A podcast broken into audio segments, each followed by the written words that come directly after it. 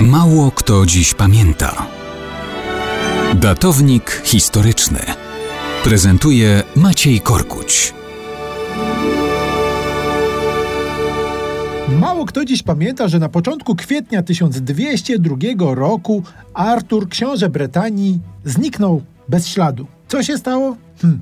Było tak. Prawnuk Wilhelma Zdobywcy, król Anglii Henryk II Plantagenet zjednoczył pod swą władzą wielki obszar od Pirenejów aż po pogranicze Szkocji. Miał czterech synów: Henryka, Ryszarda, Gottfryda i Jana. Swoje władztwo podzielił między trzech z nich. Najmłodszy Jan został bez przydziału, stąd do historii przejdzie jako Jan bez ziemi. Najstarszy Henryk był koronowany jeszcze za życia ojca, ale zmarł w młodym wieku. Tron po ojcu obejmie Ryszard, który przejdzie do historii pod przydomkiem Lwie Serce. Gottfried wrzenił się w tron Brytanii. Umiera jeszcze za życia ojca, ale pozostawia po sobie syna, Artura właśnie. Kiedy Ryszard Lwie Serce bezdzietnie umiera, skonfliktowany z nim wcześniej Jan bez ziemi obejmuje tron angielski.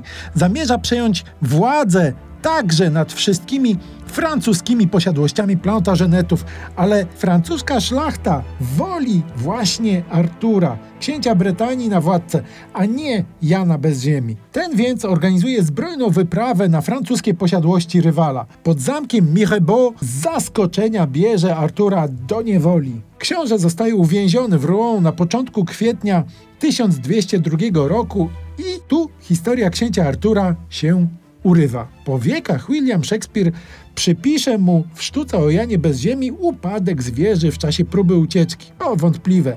Roczniki z epoki opisały to tak.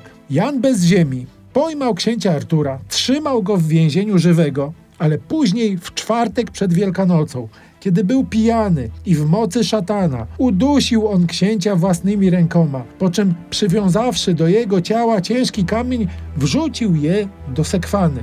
Ciało zostało odkryte przez rybaka. Wyciągnięto je na brzeg i rozpoznano. Urządzono mu pogrzeb sekretny w obawie przed gniewem tyrana. Cóż, wydaje się oczywiste, że tej krwi z rąk Jana bez ziemi żaden Szekspir zmyć nie zdoła.